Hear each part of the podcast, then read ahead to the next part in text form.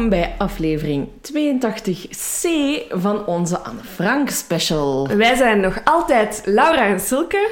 En we gaan weer eens diep gaan. Hè? We gaan een keer diep gaan. Dit is examen 2 van januari. Ik voel mij echt een student. Het is...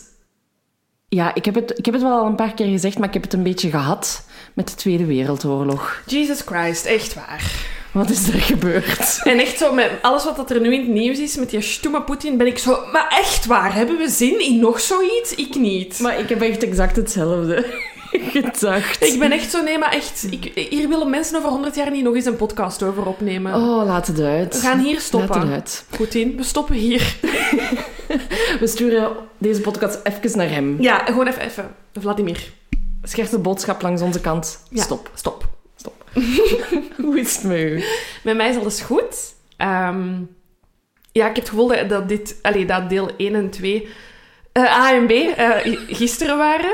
Ja. En daartussen heb ik gewerkt en dit voorbereid.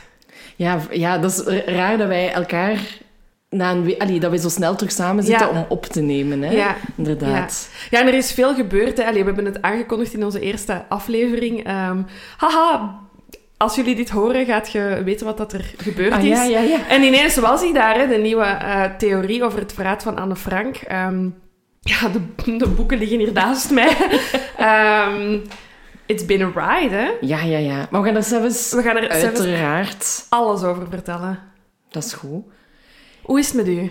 Goed, het is, eh, het is, het is toch een, een, een leuke week geweest in de periode dat we elkaar niet hebben gezien. Eh Aniek en ik waren vier jaar samen. I know. Afgelopen week. En dat hebben we gevierd door goed te gaan ontspannen in de sauna. Ah, en dan heerlijk. Goed, een, een keer goed te gaan eten. Wat heb je genomen? Ribbekes. Dat is uiteraard. Alle twee zo... Nee, Cozy. ehm, dat mag, hè, als je vier Mm. jaar samen bent. Dat moet, dat moet gevierd worden. zo'n Dus we hebben dat goed gevierd. Sauna gedaan. Het was Heerlijk. nodig. Ehm, en voor de rest, ja, is er, is er niet zoveel gebeurd. Ik heb wel nog een heel eh goede podcast ontdekt. Die is op verschillende manieren tot bij mij gekomen. Eh, Sweet Bobby. Oké. En het is een heel korte ehm, podcast eh, van zes afleveringen.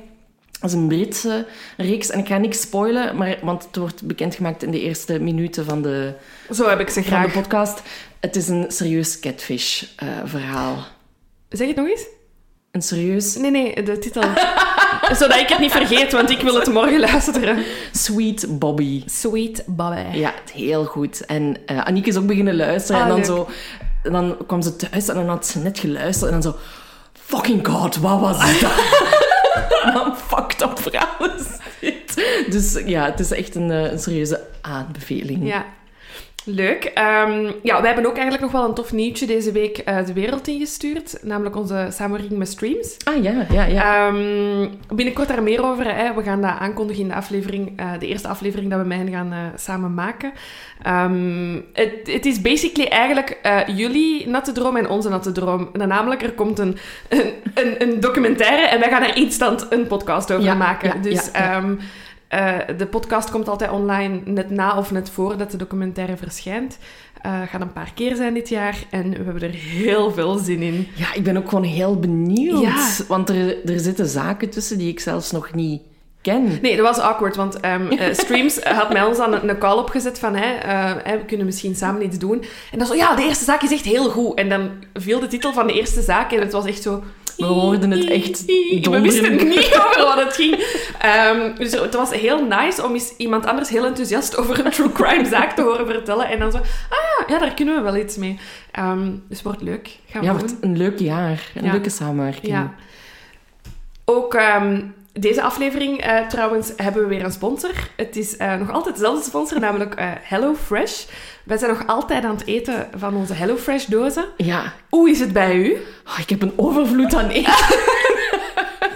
nee, het is, echt, het is echt goed. Want wat dat ik er tof aan vind, is dat je zo kunt kiezen van... Ik wil een snel gerechtje, iets dat Ja. snel klaar is. Of het mag al eens een keer iets fancier zijn. Ja.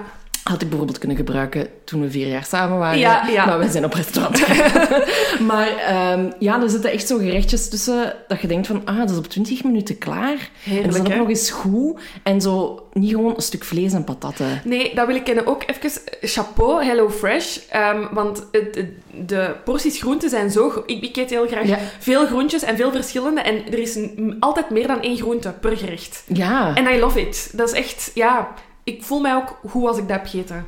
Ja, en zo van, ik ben nu toch gezond bezig Ja, ja, ja, ja. En heel gevarieerd. En dat is gewoon echt nice. En goede porties. Ja. Want dan is het zo van, ja, dat is voor twee personen, maar we eten daar twee dagen van. Ah, ja, Dus, ja, voilà, kijk. Dus dat is, ja, ik ben, ja... Je bent hè? Ah, nee, ik dacht... dat ook. Ehm, nee, dus het is echt iets dat we kunnen, kunnen aanbevelen. En uiteraard hebben wij ook weer een aanbieding voor jullie. Jongens, onze crazy code is nog altijd geldig. Ik ben daar echt nog altijd niet goed van. Nee. Ik vertel dat dan echt zo tegen onze, tegen onze moeder. En zij zo, valt dat maar mee, die HelloFresh? Ik zo, maar wil jij weten wat voor een kortingscode dat wij hebben? Ik, ongelooflijk. Dus met onze code Hello Volksjury 75 krijg je 75 euro korting op de eerste vier dozen. J- 75 euro korting, daar kun je echt... Daar kun je al een keer goed van gaan eten. Ja, maar dat is een boodschappenwinkel. Ja, Dat is... Het is crazy. Bon, in ieder geval, een dikke aanrader. Al zeg ik het zelf, ik had dit nooit verwacht. Wij waren HelloFresh virgins, hè? Ja, ja, dit hadden we nog nooit gedaan. En nu zit mijn frigo vol met bruine HelloFresh zakken. En dat maakt mij gelukkig. Dus nog één keer onze code HelloVolksjury 75. 75 euro korting op de eerste vier boxen. We zetten dit trouwens ook in de show notes. Ja, voilà. Zo zijn wij nu. Zo, zo podcast zijn wij nu. Haha, man. Wereldoorlog 2. We gaan eraan beginnen, hè? Ja, ehm, voor de mensen die random op deze aflevering klikken, geen goed idee. Er zijn al twee delen gepasseerd. Hè. We hebben een Anne Frank special. In het eerste deel hebben we de context van Wereldoorlog 2 geschetst. In de tweede aflevering hebben we onze... Het is een slecht woord, maar het is ook een goed woord. Onze hoofdrolspelers leren kennen. Wie zat er in het achterhuis? Wie hielp hen? Wie was er betrokken? Ehm, en we zijn eigenlijk geëindigd met de inval hè, ehm, op 4 augustus 1944. We gaan dat nog even recappen. Deze aflevering gaat over het verraad. Ja. Ehm, dat is de insteek waarom we deze special hebben gemaakt. Namelijk, hoe komt het dat na meer dan twee jaar onderduiken de bewoners van het achterhuis alsnog hun schuilplaats wordt ontdekt? En dat ze zijn gestorven ook en maar één overlevende. Ja, enkel Otto Frank heeft dit overleefd. Ehm, puur praktisch voor deze aflevering, hè, als je zo tussen twee klusjes zit, ik ga even de, de breakdown van deze aflevering eh, schetsen. We beginnen met ehm, de verraadpistes, hè, namelijk chronologisch welke onderzoeken zijn er gevoerd, wie is er naar boven gekomen, wie is er verdacht geweest. Ehm, en we eindigen met, het, eh, met een deel waar dat we eh, andere opties bekijken. Aliens, nee, is niet waar. Ehm, nee, eh, waar dat er misschien eh, geen verraad aan te pas is gekomen, maar dat het louter gaat om stom toeval. Voilà, Ja. dat is wat dat we deze aflevering gaan doen. Nog één keer een oproep voor ehm, de mensen. Op 1 februari nemen wij de aflevering op met jullie verhalen. Er zijn er al heel veel binnengekomen. Je kan je verhaal over de oorlog naar de volksjury.gmail.com mailen. Eh, bij voorkeur verhalen over inderdaad mensen die hebben ondergedoken, eh, grootouders die misschien mensen hebben geholpen, zelf hebben ondergedoken, verhalen over eh, concentratiekampen, verhalen over het verzet. Ook over collaboratie, allemaal welkom. Ehm, er zitten er echt al goeie tussen. Ik heb er al zo'n paar geopend die ik dan ook zo meteen naar Laura stuur. Ja. Heb je dit al gelezen? Ongelooflijk. Er zijn echt crazy verhalen bij.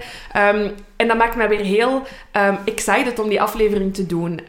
Om jullie ook gewoon eens aan het woord te laten eh, wat dat dit, hè, deze ja, lesgeschiedenis eigenlijk, want zo Mhm. moeten we het zien, in jullie familie ja, heeft betekend, zeg maar.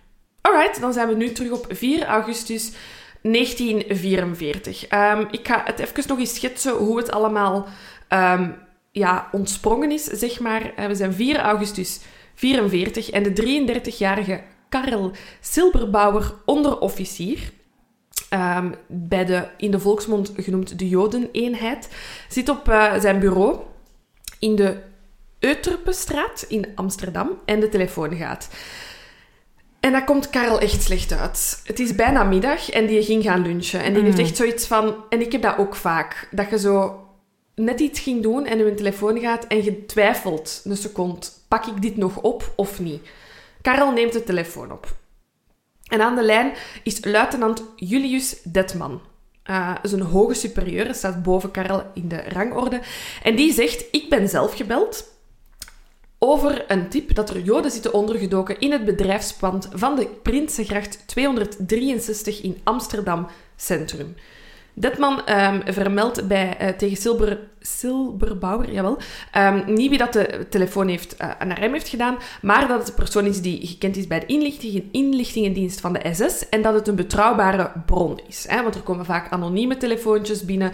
Um, dat wordt altijd eerst wat onderzocht. Dat wordt, daar wordt niet direct de uh, jodenjagerseenheid... Wat de fuck, dat woord? Ja. Jodenjagerseenheid... Op afgestuurd, maar dit is dus niet het geval. Hè. Uh, dit, dit man heeft onmiddellijk gebeld naar Silberbauer van hier moet je iets mee doen. Dus dat betekent toch dat het een betrouwbare persoon is dat hem zou hebben gebeld. Dit man zegt ook van, kijk, ik ga ook um, de wachtcommandant bellen op uh, de bureau van de Joodse Zaken. Dat is een andere eenheid van de Amsterdamse politie. Um, en van daaruit zullen er ook mensen naar de Prinsengracht gaan.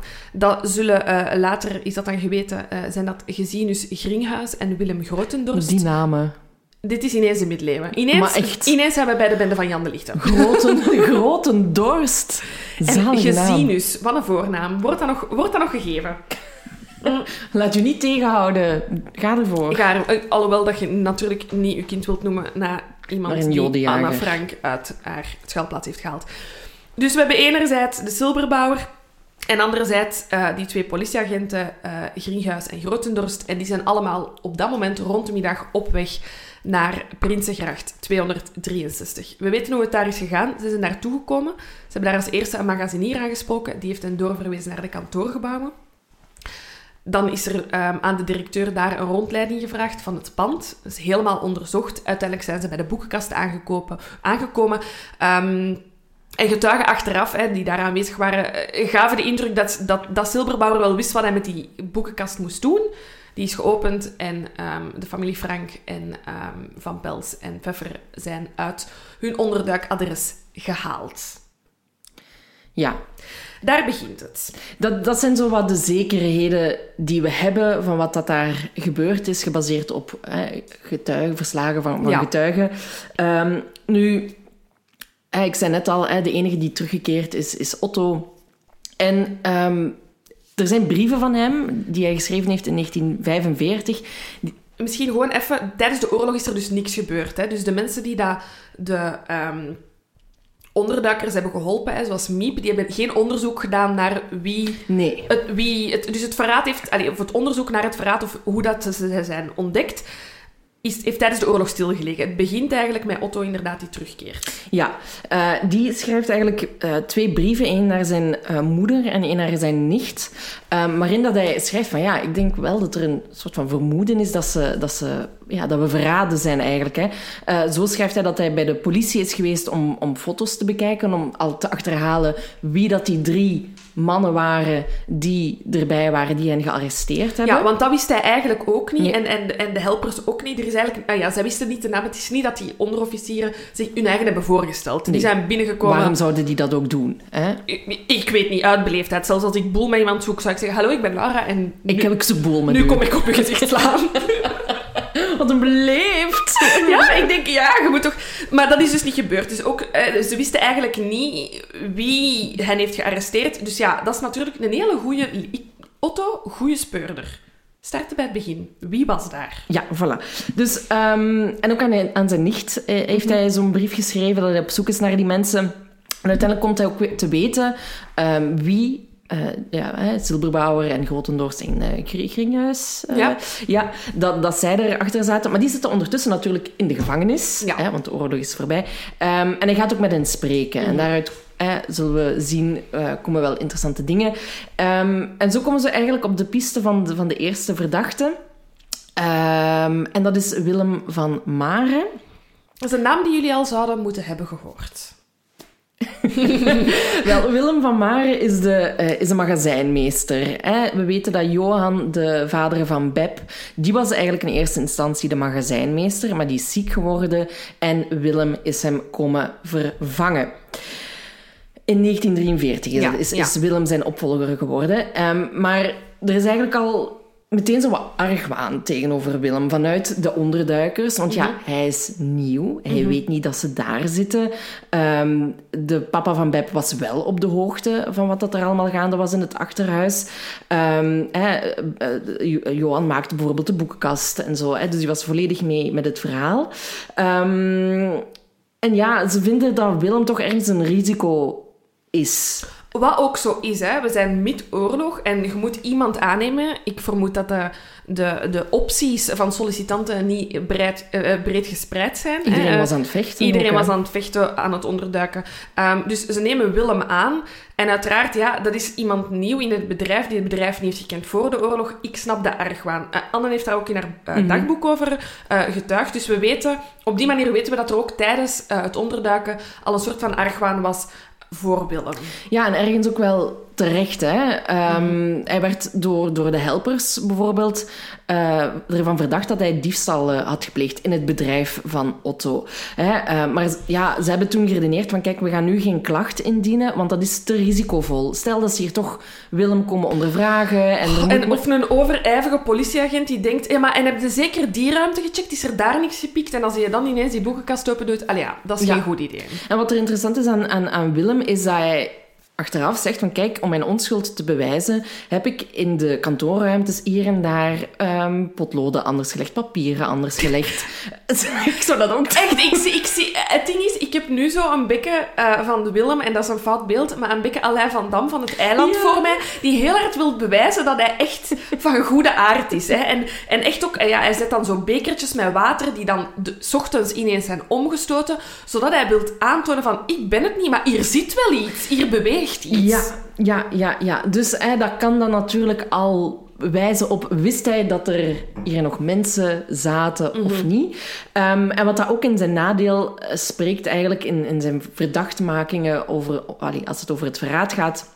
Is hij dat eh, na de arrestatie hij de, de sleutel van het bedrijf eigenlijk heeft gekregen van Silberbauer.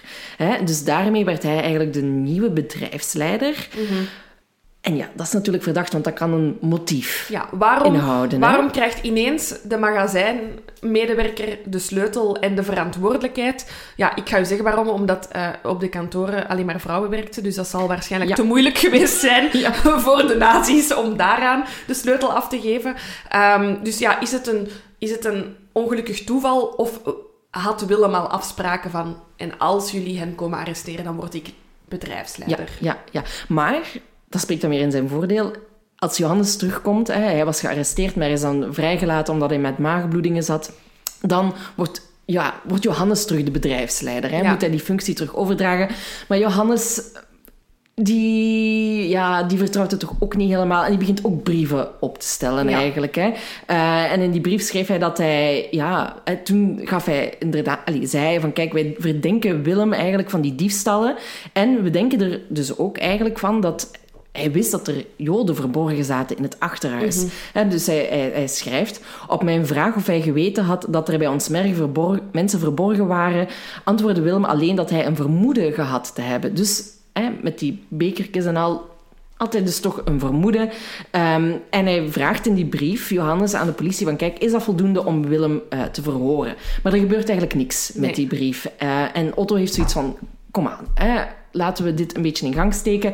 Ehm, en pas na twee jaar eh, komt er eindelijk schot in de zaak. Feels like, like Belgium gerecht. Oh man, echt jongen. En ehm, in, in juni 1947 eh, wordt er dan eindelijk een onderzoek gestart. Dus er zijn twee jaar nadat, nadat het moment is dat, dat Otto eigenlijk denkt van... Er is meer Het kan wel Willem ja, geweest ja, zijn. Eh, en dan worden de eerste ge- getuigen ook weer in 1948. Dus ze zijn weer een jaar verder. Maar er komt ook zo niks concreet uit. Hè. Er wordt geconcludeerd van het verraad wordt door de verdachte ontkend en de aanwijzingen zijn zeer vaag. Het bewijs is derhal- derhalve niet geleverd kunnen worden. Dus die zaak wordt geseponeerd Ja. in 1948. Ehm, en er, ja, een half jaar later is er dan een voor- voorwaardelijke buitenvervolginstelling eh, gekomen voor Willem. Maar, dus eh, hij kan niet vervolgd worden. Maar er is wel een voorwaarde dat hij drie jaar onder toezicht moet staan van de staat. Eh, en dat hij tien jaar lang eh, geen job mocht uitoefenen of in, uh, of in militaire dienst mocht gaan. Dus hij verloor dan ook nog eens het kiesrecht. Dus Willem heeft zoiets van, mannekes, zeg, er is hier niks van concreet bewijs.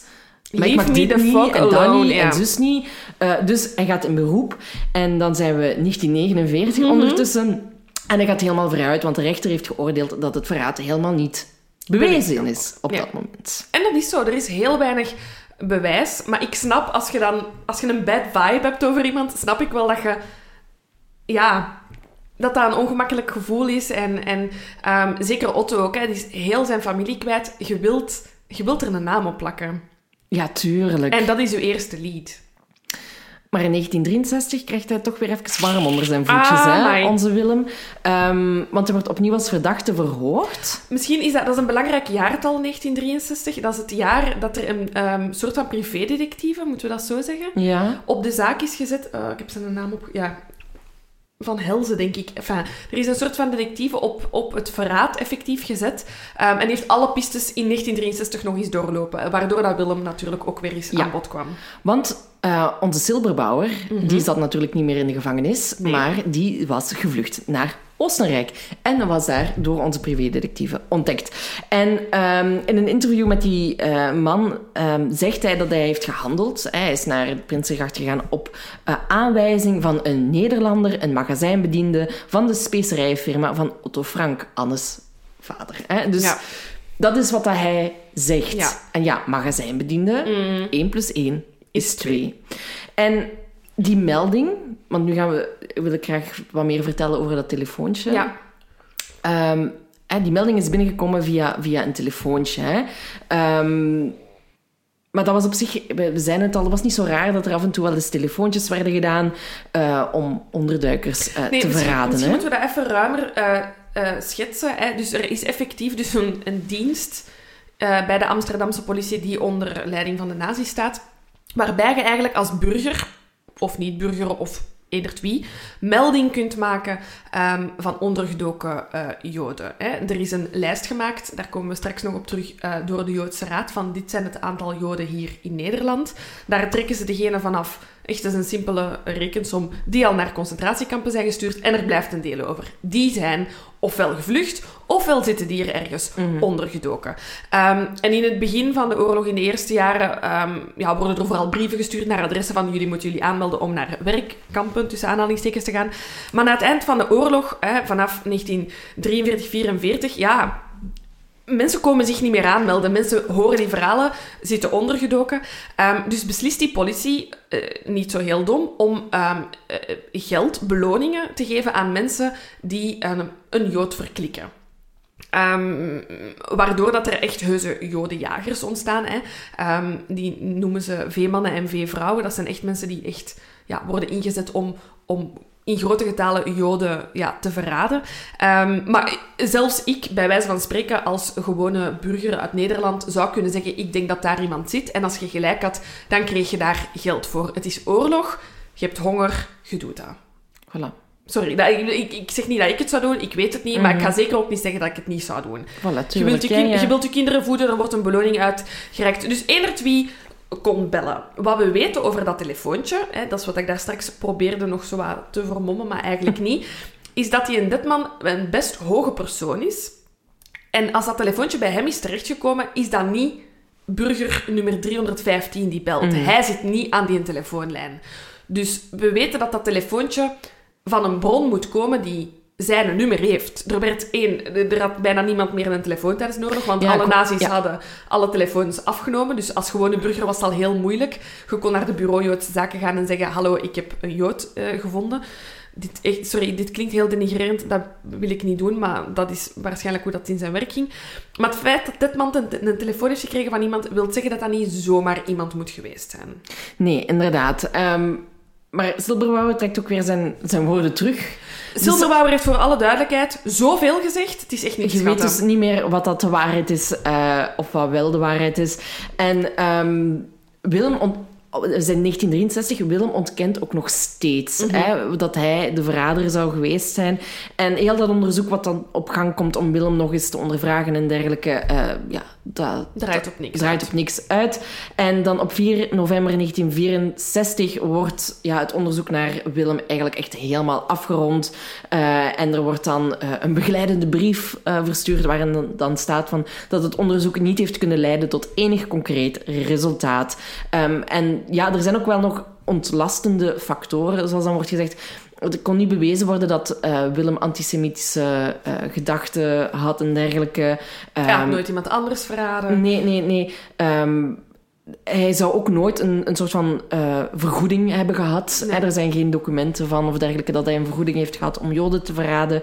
Ehm, hij zou blijkbaar geholpen hebben om delen van Anne's dagboek in veiligheid eh, te brengen. Terwijl hij dat ook wel makkelijk had kunnen afgeven Mhm. aan eh, ja, de, de politie natuurlijk.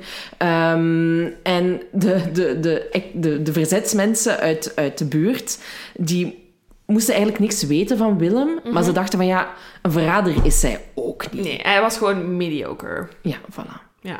Dus dat is de piste Van Willem. van Willem.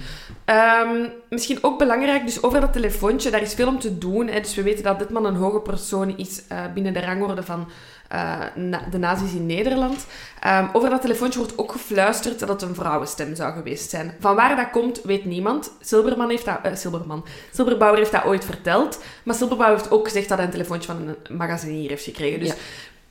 Het is iets dat ook vaak wordt genoemd. Ah, het is misschien, eh, we zijn zeker dat een vrouw is. Niks is. Zeker in dit, in, in, in dit verhaal. Silberbauer is in 1963 pas ondervraagd over deze case. Op dat moment was het dagboek van Anne Frank al gepubliceerd. Dat is ook iets heel belangrijk. Er is een periode geweest dat het dagboek ongekend was. Ja. Ehm, en ik vind dat heel belangrijk in, in heel deze onderzoek.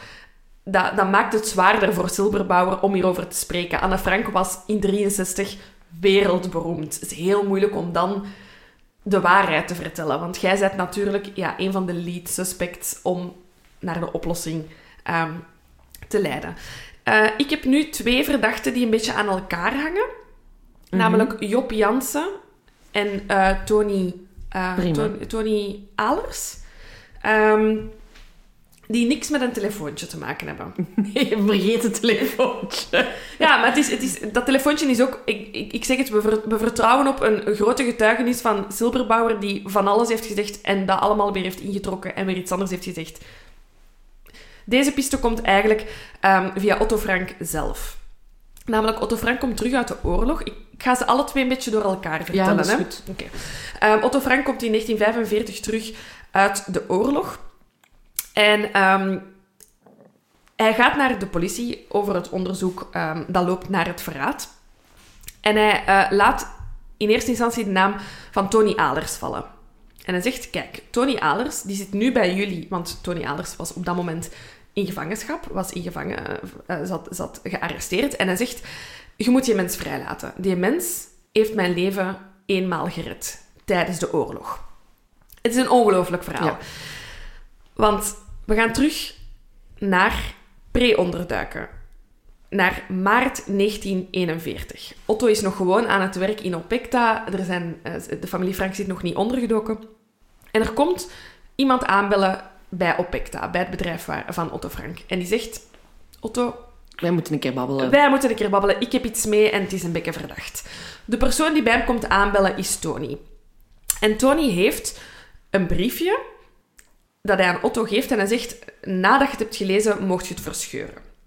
En het briefje is geschreven door Job Jansen.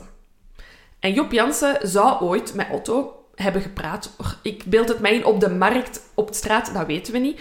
Ze kennen elkaar niet echt, maar Otto en Job hebben een discussie gehad over de oorlog. En Otto en, en, en Job heeft gezegd, de oorlog gaat snel voorbij zijn.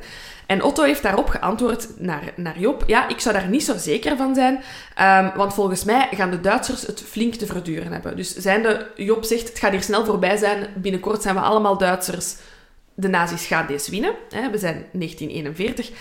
En Otto heeft daarop ge- gerepliceerd van, kijk, ik ben daar nog niet zo zeker van, eh, de Duitsers, ehm, we're gonna kick their ass. Daar komt het een beetje op neer.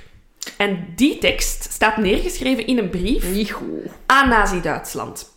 En die brief heeft Tony in zijn hand. En Tony gaat daarmee naar Otto en zegt, kijk, als deze brief effectief in Duitse handen komt, gaat jij in de problemen komen. Je bent nu Jood, daar zijn ze nog op dat moment geen grootste plannen, maar eigenlijk wel. Maar daar zijn ze niet zo happig op. Als deze brief in hun handen komt, ja, jij en je familie, jullie worden uitgemoord. Dus Otto heeft zoiets van, Tony, jij held, verzetsman, I love you, wat moet hebben?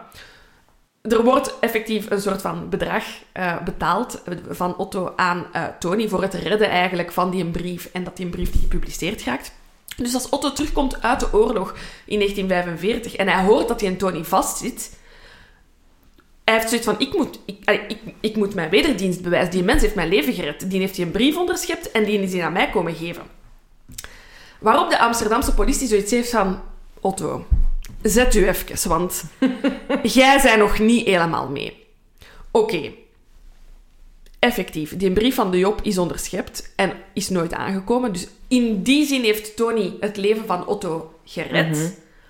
Maar wat blijkt, tijdens de oorlog heeft. Uh, Tony is een beetje een hessler. Het maakt hem eigenlijk niet uit. Uh, hij is naar Otto gegaan in eerste instantie voor geld. Maar als een Duitser hem geld kon geven, had, heeft hem het ook gedaan. hè? Dus hij heeft ook mensen verraden tijdens de oorlog. En dat is de reden waarom hij na de oorlog in de gevangenis zit. Um, dus de, Tony heeft een beetje van twee balletjes gegeten.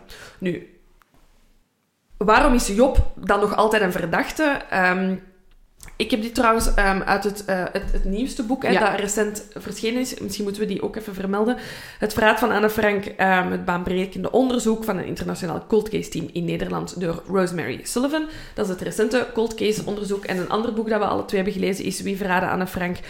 Geschreven door uh, David Barnau en Gerold van der Storm. Vo uh, dat is even volledig terzijde. Waarom zou Job Jansen dan um, toch nog een verrader zijn? het nieuwe cold case onderzoek zegt ja het is eigenlijk een simpele vraag. Job heeft familie Frank één keer willen verraden. Mhm. Waarom zou hij het geen tweede keer hebben gedaan?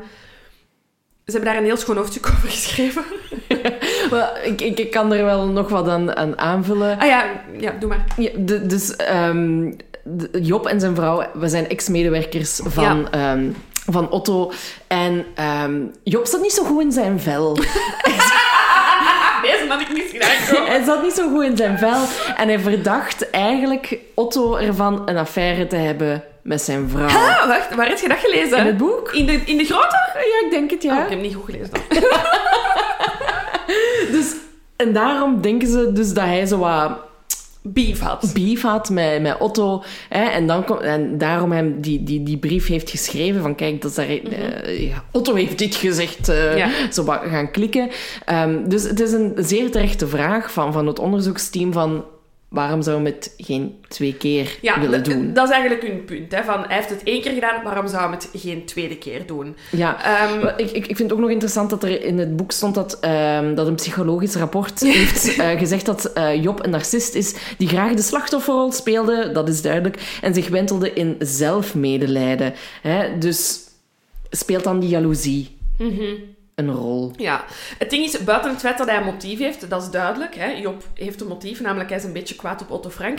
Weten we niet of Job wist dat de familie Frank zat ondergedoken, waar ze zaten ondergedoken, hoe de vork in de steel zat en hoe Job in godsnaam, sorry, als kleine burger met Detman aan een telefoon had gehangen. Ja. Of hoe dat die melding dan was gebeurd. Dus buiten het feit dat hij een motief heeft, is het moeilijk om, om Job een tweede keer klikspaan te laten zijn. Ja. Um, de piste van Tony gaat een beetje verder, want um, daar is eigenlijk een heel, uh, een heel boek over geschreven. Hè? Dus er is iemand... Um, Carol... Ja. Ja, wacht. Carol Lee? Carol ja. Ann Lee. Carol Ann Lee.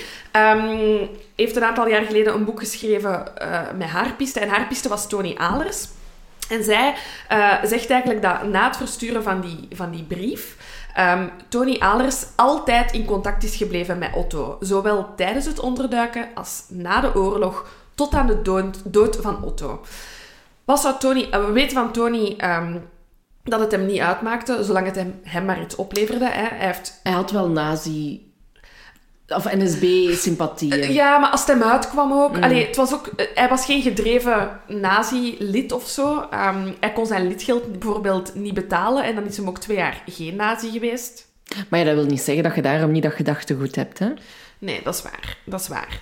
Maar ja, hij heeft in eerste instantie Otto wel gered. In plaats van dan al... Ja, of omdat hij dacht, hier kan ik nog wel wat geld voor krijgen. Ja, want dat is dus eigenlijk de piste van Carol.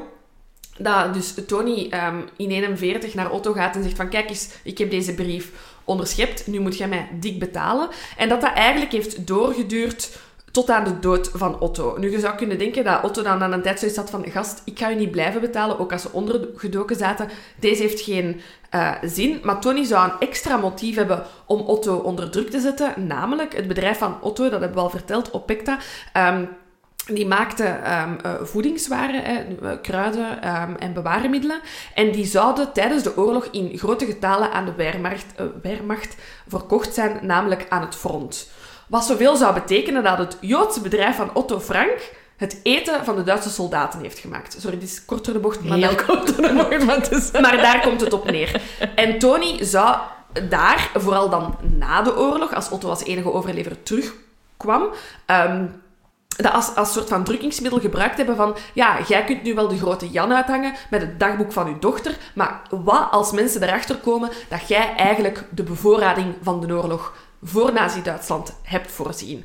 Um, Carol heeft daar weinig bewijs voor, behalve twee afspraken van uh, Otto Frank in zijn agenda geschreven met de naam van Tony na de oorlog. Maar we weten niet of dat dan een afspraak was van, is dit een meeting? Ik moet deze mens nog eens contacteren. Ik ga naar de politie om te zeggen dat Tony uit de gevangenis moet.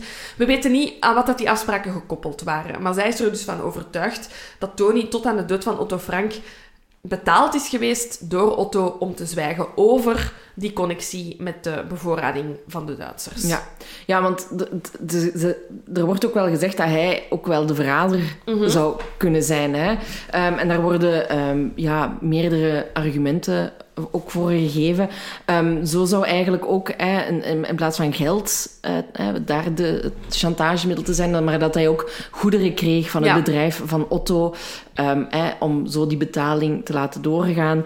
Um, dus hij zou eigenlijk, Tony zou toegang hebben gehad tot het magazijn van Opecta om dan zijn bestelde goederen, tussen mm-hmm. aanhalingstekens, te gaan ophalen. Ja. En zo zou hij er misschien achter zijn gekomen dat er mensen in het achterhuis zaten. Maar welk voordeel heeft Tony met, met Otto te verraden? Want dat, is, dat zou dan toch zijn, zijn, zijn geldezeltje zijn? Ja, of hij zou, de premie zou hoger moeten geweest zijn dan... Ja, dat, dat is natuurlijk de vraag. Dit is een van de argumenten die, die ze aangeven. Ja. Um, want doordat hij dan bij het magazijn kwam, zou hij ook contact hebben gehad met Willem. Mm-hmm. Die ook al vermoedde... Oh, het is, het is gewoon allemaal tezamen. Ja, het is allemaal samen. Die vermoedde dat er al Joden zaten in eh, het achterhuis.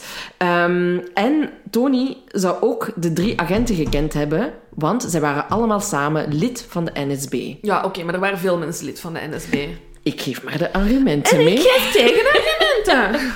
dus er leiden ook wel wat pistes naar uh, Tony, maar voor mij is het helemaal geen valabele piste. Uh, het feit ook dat, er, uh, dat Tony zegt dat Otto goederen zou geleverd hebben aan de Duitsers, ja, flinteren doen. Ja. Er, dus we weten ook niet of er daadwerkelijk ook sprake is geweest van chantage al die nee. jaren. En het ding is ook, Otto is nog... Allez, Otto is lang in leven geweest na de oorlog. Op Stap een... dan naar de politie, ja, man. Ja, Allee, bedoel... Stap naar de politie. Nee, ik vind de piste van, Otto, uh, van, van Tony heel moeilijk te geloven. Ik geloof dat hij een oorlogsopportunist is en dat hij er alles heeft aan gedaan um, om zoveel mogelijk te, te winnen, eigenlijk, hè, tijdens, tijdens de oorlog. Um, maar het, voor mij is het kenmerkend dat hij die een brief onderschept en, en, en daarmee aan de slag gaat. Terwijl ik denk, zelfs met die brief bijhouden had hij meer kunnen doen voor zichzelf in de oorlog. Ja. Denk ik. Dus just my two cents. Ja, ik denk gewoon niet dat met... Uh, nee, oké, okay, voilà. Goed. Volgende piste is uh, voor mij uh, eentje uit 1998. Er is er een biografie geschreven over Anna Frank. Eigenlijk de eerste echte grote biografie. Mm-hmm. Door Melissa Muller. Mm-hmm. En um, zij komt met een nieuwe, nieuwe theorie op de proppen. Zij verdenkt Lena Hartog van Bladeren ja. van verraad. Wat is de link met... Uh, de, wie is wie Lena? is Lena? Dus Lena Herman werkte van begin 1944 tot midden 1944 als magazijnknecht in het bedrijf van Otto. Dus onder magazijn... Onder Willem Ja, en onder ja, Johan, ja. ehm, waarschijnlijk. Ehm, en ook Lena zou in het magazijn af en toe terecht zijn gekomen, schrijft Muller, als schoonmaakster. Hè. Ze werkte voor een schoonmaakbedrijf van de broer van Johannes, Mhm. dus de magazijnmeester. Dus ze kenden het bedrijf wel wat. Hè. En zij zou eigenlijk via haar man, die Lammert Mhm. heette, gehoord hebben dat er joden verstopt zaten in het achterhuis, wat Lammert op zijn beurt dan weer van Willem had gehoord. Oké. Hè, want ondertussen is die switch ook gemaakt, ze zijn 44. Dus dat, dat schrijft Melissa. Maar waarom, is de vraag. Waarom? Waarom zou Lena zoiets hebben van, ik moet Omdat dit we dringend melden? een vrouwenstem nodig hadden aan de telefoon. Hè? Voilà. Dus Lena zou zich zorgen hebben gemaakt over de veiligheid van haar man en zoon, Klaas. Mhm. Want Lammert, haar echtgenoot, die werkte tenslotte op een plek waar dat joden verstopt zaten en dat is levensgevaarlijk. Lena had zoiets van, die wordt mee in die camion geduwd, ik wil het niet. Nee, ik wil het niet, dus ik ga een, be- een belletje doen. Ik ga even bellen met een telefoon die ze niet heeft, maar oké, bel maar Lena. En haar zoon, daar maakte zich ook zorgen over, omdat die dus ehm, verplicht in Berlijn aan het werk was. Hè. Veel mensen hebben die oproepingsbrieven gekregen. Ook eh, Klaas, de zoon van Lena, moet naar daar gaan, hè, eh, omdat ja, de, de, de oorlogseconomie op gang moeten houden en alle jonge Duitse mannen zitten aan het front, dus ze hebben nieuw werkvolk nodig. Ehm, dus volgens Melissa Muller, de auteur, is het dus zeer aannemelijk dat Lena ehm, ja, de, gebeld heeft om de onderduikers eh, aan te geven. Ehm, en Melissa is eigenlijk de eerste die schrijft dat het om een vrouwenstem zou Ja. gaan. En zij zegt... Allee, ze schrijft van... Ik heb dit gehoord van een zekere Cor Suik. En hij was een voormalige directielid van de Anne Frank Stichting en een vertrouweling van Otto. En Otto heeft op zijn beurt aan Cor verteld dat hij wist dat het om een vrouwenstem ging. Ja. Maar hoe Otto aan die informatie is gekomen, is niet duidelijk. Dus dat zijn veel aannames. Het is veel, ik heb gehoord van die en die heeft het gehoord van die en die heeft gehoord van die. Ja, want het is één, niet bewezen dat Lammert, de echtgenoot, tegen Lena heeft gezegd dat hij wist dat er joden verstopt zaten. Ehm, en waarom, waarom, zou ze er ook, waarom zou ze ook gebeld hebben op het moment dat Lammert aanwezig was in het bedrijf? Want dan, dan brengt je hem toch net extra in gevaar. Of ze wou van haar vent af zijn. Dat is een andere podcastaflevering.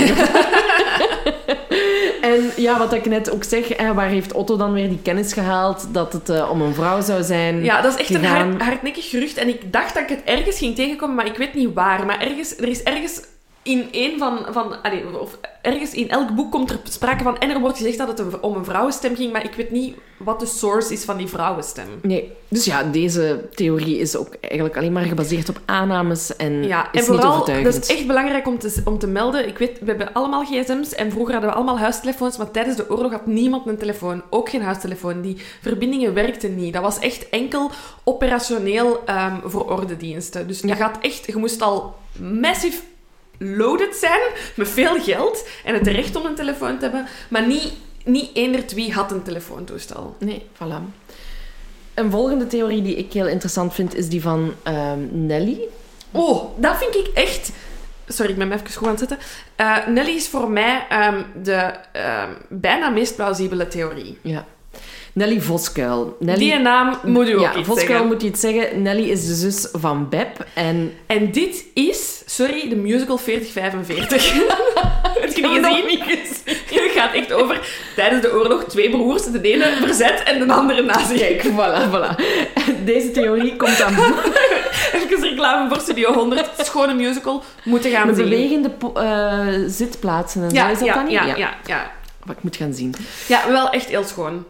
Ja, is, ja, want er is dan zo'n... Sorry, ik ga er even uitweiden Laura over... is fan van musicals. Ja, musicals, my life. Ehm, er is een... eh, ik heb een vriendinnetje dat ook meedoet en zo, dus ja.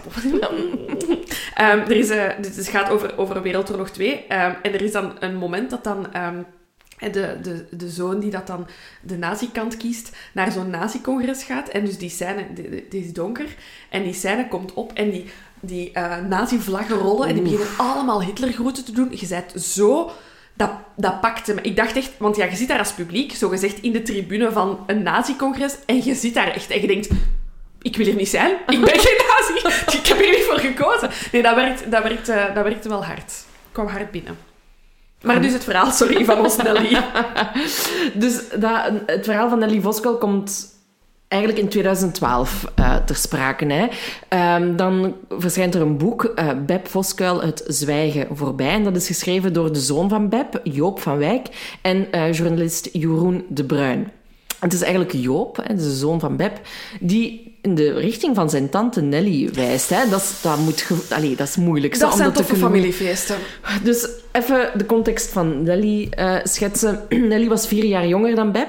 Beb is al heel jong, hè. Beb is Ja, 23, 23 hè, tijdens de oorlog. Ja, dus ja. gewoon even, ook eh, voordat mensen echt kwaad worden op Nelly, dat kind is echt jong. Ja, absoluut. Eh, en wanneer dat er, hè, de oorlog eh, begint en zo, gaan zij en nog een andere zus eigenlijk als soort van inwonende dienstmeisjes werken voor een familie die wel echt heel zware nazi-sympathieën heeft. Ja, maar geld, je hebt het nodig tijdens de oorlog, hè? Ja, maar Nelly is ook wel fan van de nazi-soldaten die daar passeren. Nee, niks. Ik wou iets heel... Ik wil gewoon. Het uniform. Ja. Ja, dat hebben ze goed gedaan. Van alle partijen, geallieerden, alle landen, sorry, als je er één moet uitkiezen, Dat netjes. Dat is Hugo geweest. Dat is Hugo Boss, ja. Ja, ja, ja. Hugo Boss heeft de, de, de ontwerpen gemaakt voor, ehm, voor de nazi's. Ja, kijk, ehm, het zijn gewoon de mooiste kostuums. Dat Ja. wel. En Nelly, dan 18, valt eigenlijk als een blok voor de Oostenrijker Siegfried. Het is echt een musical, deze. We bellen even met Gert. Ja, Gert, even. Ehm, en dan ja, gaat het even, wordt het even moeilijk, want eh, Nelly en Siegfried zijn aan het wandelen, een romantische wandeling aan het maken, maar ze worden gearresteerd in 1941, Sigrid, de nazi wordt gearresteerd. omdat ze de avondklok niet hadden gerespecteerd. En we weten allemaal hoe dat is. En nu weten we echt hoe het is. Dit hadden we pre-corona nooit. Ik, echt waar, pre-corona waren we hier losgegaan op die avondklok. En nu denken we, ah ja, de avondklok, mooie zijde, dat was vorige zomer. Bon, back to Nelly. Ehm, dus Johannes, hè, die de boekenkast heeft gemaakt, haar vader, die eh, flipt. Ah ja, die, die, moet, moet, die moeten gaan uitbelen. die moet gaan uitbeilen. En ja, hallo, Johannes weet van de, eh, van, de, van de onderduikers en zo. Die is totaal anti-nazi, anti-Duits. En opeens heult zijn dochter de fucking vijand. Dus Zulke is kwaad. ja, maar stel je dan... stel- Ja, ja, ja, ja, ja. Alsof onze ongeboren dochter iets begint met Poetin zijn zoon. Ik kan het niet aan. Voilà. Dus ja, hij eist gewoon dat Nelly een einde maakt aan die relatie. Hè. Van, kind, het moet gedaan zijn. Er lopen hier genoeg schone Nederlandse jongens rond. Doe daar iets mee, alsjeblieft. Of wacht even, de oorlog is bezig. Die komen Neem je terug. tijd, neem je tijd. Nu, uiteindelijk loopt de relatie spaak niet omdat, vanwege Johannes, maar omdat Siegfried blijkbaar al ergens een verloofde had zitten. Zo, Dus zo is dat dan met die Duitsers. met die fucking soldaten, ik word bozer en bozer de seconde. Hugo Boss uniform of niet? Het kan me niet schelen. Maar Nelly die denkt, oké, weet je wat, life goes on. En ze trekt naar Noord-Frankrijk om daar voor het Duitse leger te werken ehm, op een militair vliegtuig. En dat dat, dan spreken, hier spreken we nu echt van collaboratie. Want ze werkt op een... Ze, ze is niet zomaar verliefd op een, op een Duitse soldaat. Hè. Ehm, hier gaat ze echt meewerken. Want door daar te werken, ziet ze ook wat de vliegschema's zijn van de bommenwerpers. Dus ze weet waar de vliegtuigen Wanneer hun bommen gaan, ja. gaan werpen. Ehm, na een jaar keert ze terug, maar ze, ja, ze blijft... of, allee, ze blijft ja, verliefd worden op, eh, op nazi-soldaten. Ehm, dus, de, mildly said, ze heeft wel het, allee, het, het, het, de sympathieën om Joden te verraden natuurlijk. Ehm, Enfin, of ze is omringd door de juiste mensen. Om. Exact. En de toenmalige verloofde van Beb, eh, die heeft gezegd dat hij er 100% van overtuigd was dat Nelly wist dat er onderduikers in het achterhuis zaten. Wat dus betekent dat Beb zou geklikt hebben, of Johannes. Ja, maar kijk, dat is een familie. Ja, ja en, maar ik, eh, gewoon, ja, ja. ik, ik denk niet dat we hier in, in de mate van, van geklikt kunnen spreken, maar ik denk dat je gewoon... Ja, dat is dus... dat is uw zus, zus. hè. Ja. Hè, en ondanks de sympathie die ze erop nahi- nahield... Ja, je zit samen aan de eettafel. Maar en... zou jij het kunnen? Ik vraag me dat af. Hè. Dus jij bent Beb. Mhm. Hè? En je hebt... eh, Bon, jij hebt Sander, ik heb Thomas. hè. Zou jij zwijgen tegen Sander? Ja, als ik wist dat hij van de andere kant was, ja. Ja, maar ik ook, hè. Dus ik vind dat echt... Ja, dat is moeilijk, hè. Maar, allee, bon, dat We is, weten het we weten niet. het Nee, niet. nee, hè. Ehm, Maar, hij, maar de- die, die toenmalige verloofde heeft wel tegen Joop en Jeroen, de auteurs van het boek, gezegd van kijk, ze, ze, ze waren wel elkaar zo aan tafel, aan de eettafel, wel altijd elkaar aan het, aan het plagen ermee. Van, hè, dat ze tegen Nelly riepen, oh, jij gaat terug naar je moffen. Hè, zo dat soort dingen. En Nelly zou daarop een keer hebben geantwoord hè, van, ja, en jullie gaan maar terug naar jullie joden.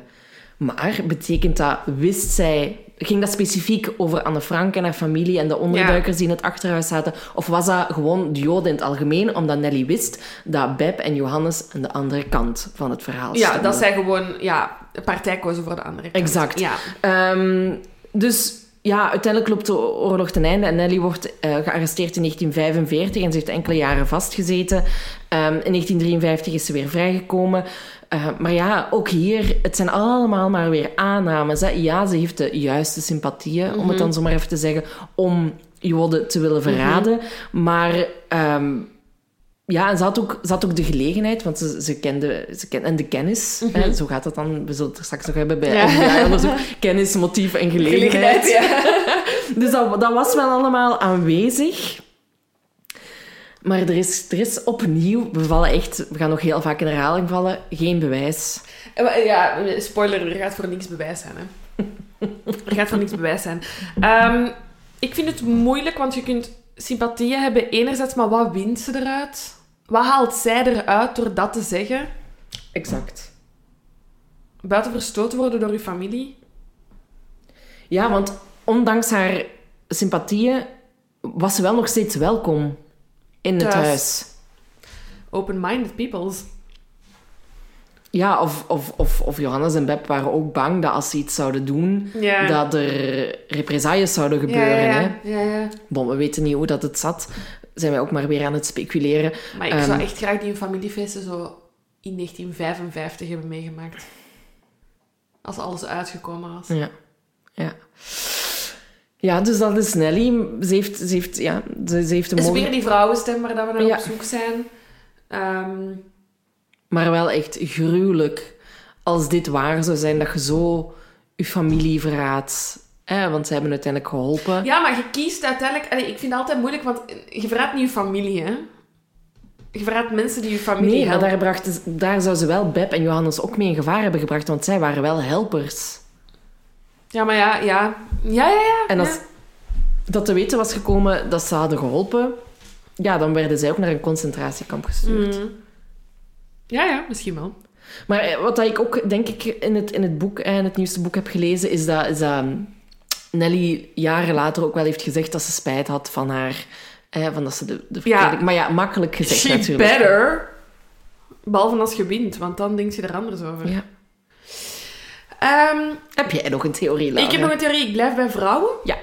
Ans van Dijk. Yes. Ehm, ik heb daar, we hebben het daar straks al even aangehaald. Ehm, mm, er werden vertrouwenspersonen ehm, aangesteld. Ehm, mensen die in een netwerk bewogen. ehm, die we nu jodenjagers noemen. Vind ik een heel kut woord. Maar ik ga het even moeten gebruiken. En zo iemand is Ans van Dijk. Ans van Dijk eh, werd geboren in Amsterdam. in een eh Joodse familie uit de lage middenklasse. Eh, zij trouwt, zij scheidt, nog eh, voor de oorlog. Ze gaat werken bij een Joodse eh, vrouw. Ze begint een liefdesrelatie met een vrouw, ook een Joodse vrouw. ehm, en die verlaat Amsterdam ehm, in 1942. Eh, naar Zwitserland trekt die. En Ans blijft als enige achter in Amsterdam. We weten niet veel over de eerste periode tijdens de oorlog. Daarover wordt gezegd dat Ans van Dijk bij het verzet zat. Ehm, daar zijn weinig gegevens over. Wat logisch is, want zo gaat dat met, met het verzet. Je maakt geen notities over wat dat je allemaal gaat doen. Ehm, maar er zijn zowel wat bronnen dat dat bevestigen. Ze heeft dat zelf in haar verklaringen achteraf ook eh, toegegeven. Zullen we even zeggen wat, wat dat ze dan gedaan zou, allee, gedaan zou In hebben. het verzet? In het verzet, ja. Ja, doe maar. Ja, hè, dus dat begint eigenlijk al met het feit dat ze weigerde, hè, of zou geweigerd hebben, een, een jodenster Ja. eh, te dragen. En dat ze ook, hè, er werden heel veel vo- voorschriften opgelegd aan joden die ze moesten volgen. En dat ze dat geweigerd hebben. Ehm, ze zat inderdaad in een verzetsgroep met overwegend Joodse mensen daarin.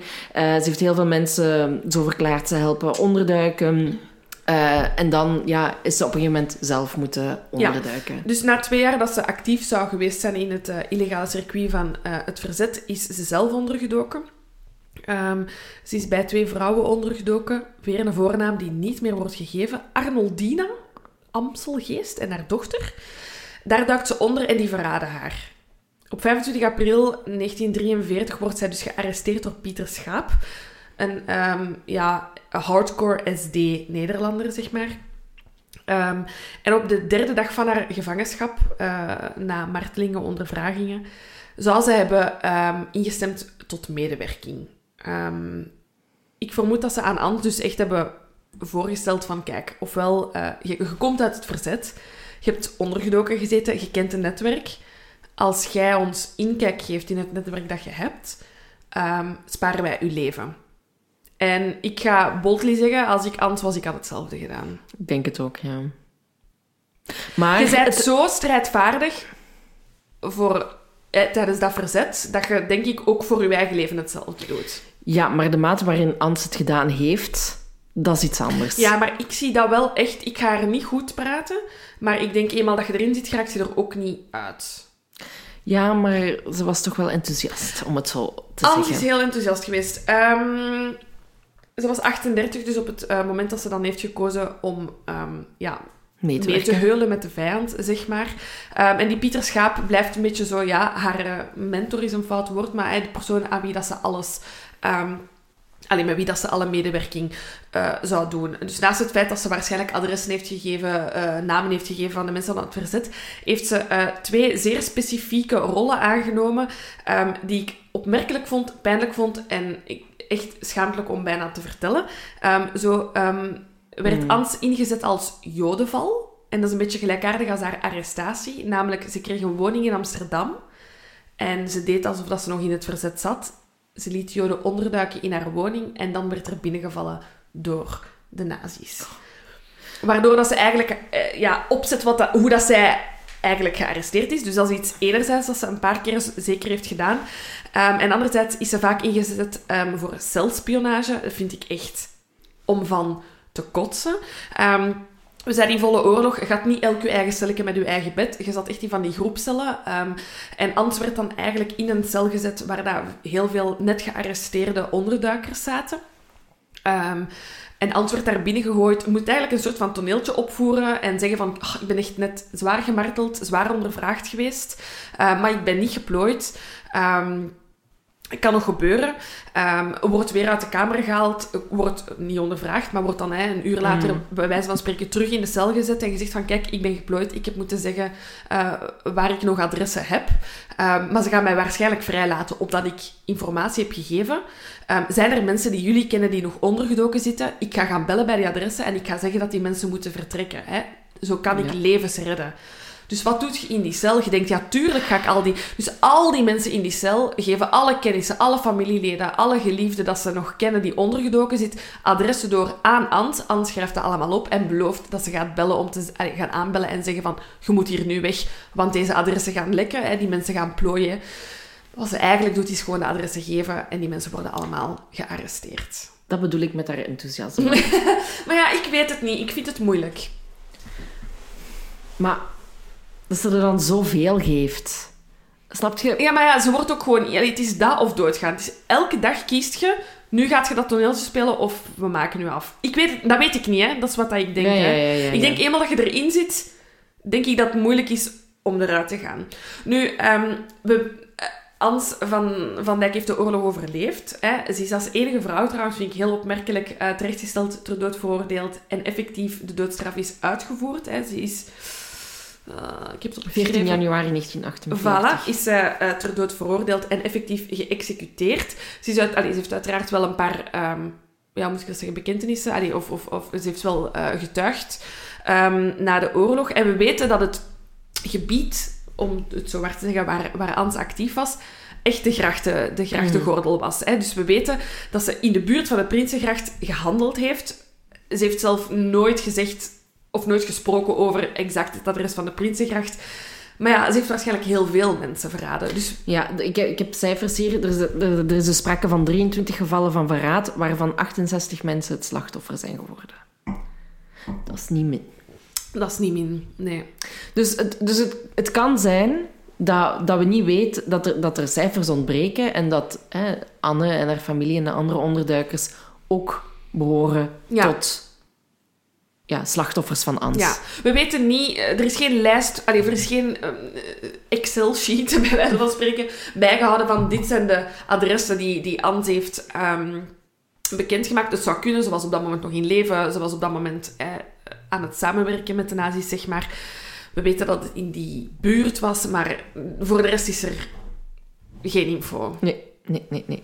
Nee, dus ja, ook weer niet duidelijk. Het kan dat Het Ans het is geweest, maar... Ja, Het kan ook niet. Het kan ook niet. En dan komen we denk ik aan bij de theorie waar iedereen zit op te wachten. Ja. Ehm, ik wil ehm, naar aanleiding van die theorie twee dingen schetsen. Ehm, namelijk de verspreking van Miep, enerzijds, en het uitleggen wat de Joodse Raad is, anderzijds. Even gewoon over het boek. Het Ja. boek is heel Amerikaans. Very, very American. Ehm, de FBI zit erbij, er is een groot onderzoeksteam. case. In het boek wordt ook uitgelegd hoe een ruimte eruit ziet. En het is echt, het is wel, ehm, het, want wij hebben veel gelezen, maar ik denk wel, als je één boek wilt lezen, is het wel een goede samenvatting. Hè? Absoluut. Alle theorieën worden nog eens tegen het licht gehouden. Eh, ze schetsen echt zo, ja, hun, hun war room, zeg maar, hè, waarin dat ze bewegen, hoe dat het onderzoek is gelopen, wie, welke tactiek dat ze gebruikt hebben, welke onderzoeksmiddelen. Eh, dus, dus dat schetst het eh, heel goed. En zo schetst eh, de hoofdonderzoeker zijn moment van doorbraak. Hè? En ehm, eh, ze beweren zelf dat ze door alle info nog eens zijn gegaan en alles nog eens hebben nagekeken. Ehm, zo ook ehm, alle interviews eh, met overlevers. Hè? En een daarvan is eh, Miep, hè? een van de helpers. En zij heeft een lezing gegeven en de hoofdonderzoeker is daarnaar aan het kijken, naar die lezing. Hij heeft al meerdere lezingen van Miep beluisterd. En in een van die lezingen wordt er een vraag uit het publiek gesteld. Ik ga even echt eh, Mhm. voorlezen. Een jongeman in de zaal vroeg: Waarom zijn de Franks uiteindelijk toch ontdekt? En Miep begon de vraag te beantwoorden en deed opeens een verbluffende uitspraak. Na 15 jaar begonnen we weer te zoeken naar de verrader. Maar inmiddels is het 1960. En tegen de tijd dat we daarmee bezig waren, was de verrader overleden. Ze sloot haar antwoord af met de woorden: Dus, we zullen er ons bij moeten neerleggen dat we nooit zullen achterhalen wie het heeft gedaan. Met één ruk schoot Vins overeind. Nee, dat kan toch allebei niet waar zijn? Als Miep weet dat de verrader in 1960 dood was, dan moet ze ook geweten hebben wie het was. Ik zie hem zitten hè, in zijn war room. Ja, dus zo is het boek. Hè, de Vins ontdekt De FBI-agent. Ja, de, de FBI-agent. Dat effectief Miep wel een bijzondere uitspraak doet. Namelijk, ze zegt, we gaan nooit weten wie het was, maar hij is wel gestorven in 1960. Ja, Eh, daar klopt iets niet. Voor we aan de theorie beginnen, ehm, moeten we het concept van de Joodse Raad even schetsen. Je hebt Nazi-Duitsland, vallen België en Nederland binnen. En de nazi's willen eigenlijk de Joden in de samenlevingen waar ze zijn binnengevallen afzonderen van de rest. Maar om dat te kunnen doen, moeten ze natuurlijk een directe toegang hebben tot de Jo- Joodse gemeenschap. Dus wat doet Nazi-Duitsland? Die zeggen, oké, jullie gaan een orgaan oprichten. En wij gaan... Jullie zijn een soort van tussenpersoon. En dat wordt de Joodse Raad. Hè? Ehm, eh, wordt een ganse, dus echt een raad, als in eh, de rabbijn moet daarin zitten en een diamantair moet daarin zitten en. Allee, dus alle vooraanstaande mensen uit eh, de Joodse gemeenschap van Amsterdam zetelen in die Joodse Raad. Ehm, en, en, en wat is de bedoeling? Ehm, die moeten de maatschappelijke aspecten van het Joodse leven coördineren zijn de arbeidsbemiddeling, huisvesting, de, de voedingsbonnen die worden uitgereikt, ehm, steun aan oudere mensen en zieken. Ja, klinkt allemaal oké. Maar in 1942 krijgt de Joodse Raad de opdracht om mee te helpen aan de selectie van de Joden voor deportatie naar vernietigingskampen. Dus wat wordt er eigenlijk gevraagd aan de Joodse Raad? Jullie kennen jullie gemeenschap. Jullie weten waar jullie mensen wonen. Hier zijn de lijsten die jullie ons hebben bezorgd van alle mensen die hier wonen. Zeg mij een keer, wie van... Sorry, ik ben echt ook zo op een lijst van papieren aan het kloppen. Zeg mij eens welke van die Joodse mensen wij nu een brief mogen sturen om te vertrekken naar deportatiekampen. Uh, in, in het boek zijn echt hartverscheurende getuigenissen van mensen die uh, werkende zijn... Um, als secretaresse in de Joodse Raad, die echt ja, vergaderingen meemaken waar effectief gewoon tien Joodse mensen zitten te beslissen welke families ze gaan sturen en welke niet. Dat, één, dat is hartverscheurend. Twee, it calls corruption. Hè? Want wie zijn die tien mensen in die, of ik zeg nu tien of twintig mensen in de Joodse Raad? Heb je daar een connectie mee en kun jij zorgen dat je niet op die lijst komt? Al dan niet. De nieuwste theorie, die recent aan het licht is gekomen, heeft als hoofdrolspeler Anton. Anton van den Berg. En Anton van den... Arnold? Uh, of Anton? Oei. Ben ik nu zo fout? Ben ik fout? Ik weet het niet. Eén van ons twee is fout. Ik heb overal Van den Berg ook. Echt fantastisch. Zo geen Maar check het boek. Ah ja. Wacht, hè. Gaat dat nu niet op de achterflap staan? Ah nee, want dan is het al onthuld. Ah ja. Ja, maar waar in het boek moet ik het zoeken? Oh, Jesus. Het is sowieso Anton.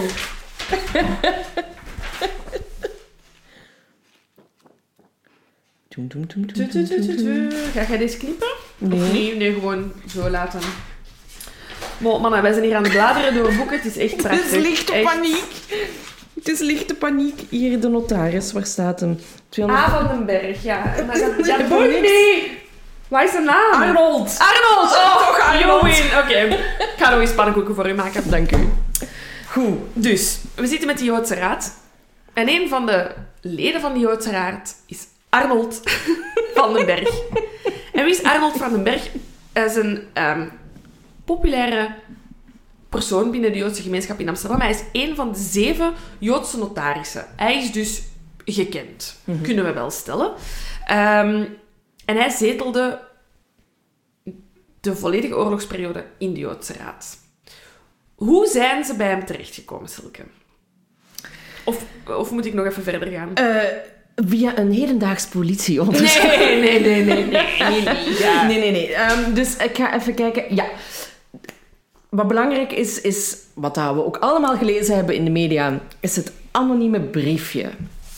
Dus Otto... Wacht, hè, ik heb dat hier heeft kort na de bevrijding een anoniem briefje ontvangen.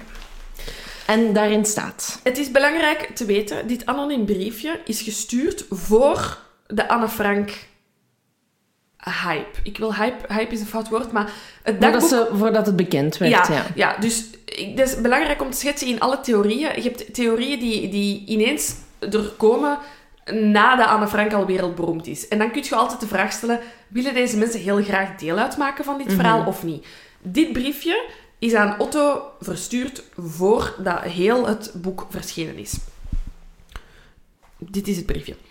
Uw schuilplaats te Amsterdam werd indertijd meegedeeld aan de Joodse, ja, Joodse dienst te Amsterdam, Eupenstraat, door A. van den Berg, destijds woonachtig nabij het Vondelpark in de Nassaulaan. Bij de Joodse inlichtingendienst bestond een hele lijst van adressen door hem doorgegeven. Ja. Dus dat is uh, een behoorlijk heftig briefje. Maar uh, wat dat we moeten zeggen wel, hè, is dus dat dat briefje niet nieuw is. Mm. Hè? Dus hè, Laura zei al van, dat is destijds al eerder... Um... dit is in 1945, of toch rond die periode, aan Otto Frank gegeven. Ja, en um, David Barno en, en Gerald van der Stroom hè, van het andere boek, die hebben in 2003 in, dat, in, het, in het boekje uh, Wie verraadde Anne Frank dat briefje al eens benoemd. Wat dat er nu anders is, is dat de onderzoekers daar een kopie van hebben, van dat mhm. briefje. Ehm, wacht, hè. En dat... Wacht, hè. eh, dus die kopie, dat is getypt. Dat is niet geschreven, Nee. maar het is getypt op de schrijfmachine van Otto Frank. Ja. Dus we zijn dankzij deze nieuwe theorie zeker dat het briefje bij Otto Frank is toegekomen. Dat Otto Frank het briefje van waarde schatte, want hij heeft een kopie gemaakt. En hij is die kopie gaan geven aan een andere Joodse notaris, notaris van Hasselt. En hij zegt van, ik geef aan u de kopie en het origineel geef ik aan de Anne Frank Stichting. Het origineel is kwijt. Dat weten we. Dat is spijtig. De kopie is waar het nu over gaat. Twee delen van deze theorie. Enerzijds, Otto Frank heeft dat briefje gekregen waarop staat Arnold heeft u verraden. Zijn, hij heeft verschillende adressen via de Joodse Raad aan Nazi-Duitsland gegeven. Dat is één. Twee is, wie heeft dat briefje geschreven? Ja. En, Want daar, daar zijn veel vragen bij. en dat deel heeft voor mij veel vragen. Mhm. Want het is een anonieme beschuldiging. Ja, En dat kan door eender wie zijn geweest. Dat kan zijn dat het effectief zo is geweest. Iemand met goede intenties. Maar het kan ook iemand zijn met slechte intenties. Ja. Waar ik zeker van ben, voor mij, na het lezen van dit boek, maar ook na grondige zelfreflectie, is dat de persoon die het briefje schreef goede bedoelingen heeft. En voor mij, waarom? Omdat het voor de Anne Frank dagboek hype wereldwijd verkocht verstuurd is. Die persoon dat dat briefje aan Otto Frank heeft verstuurd, kon daar niks mee winnen. Er zit nog geen wereld te wachten op wie Anne Frank heeft verraden. Hè?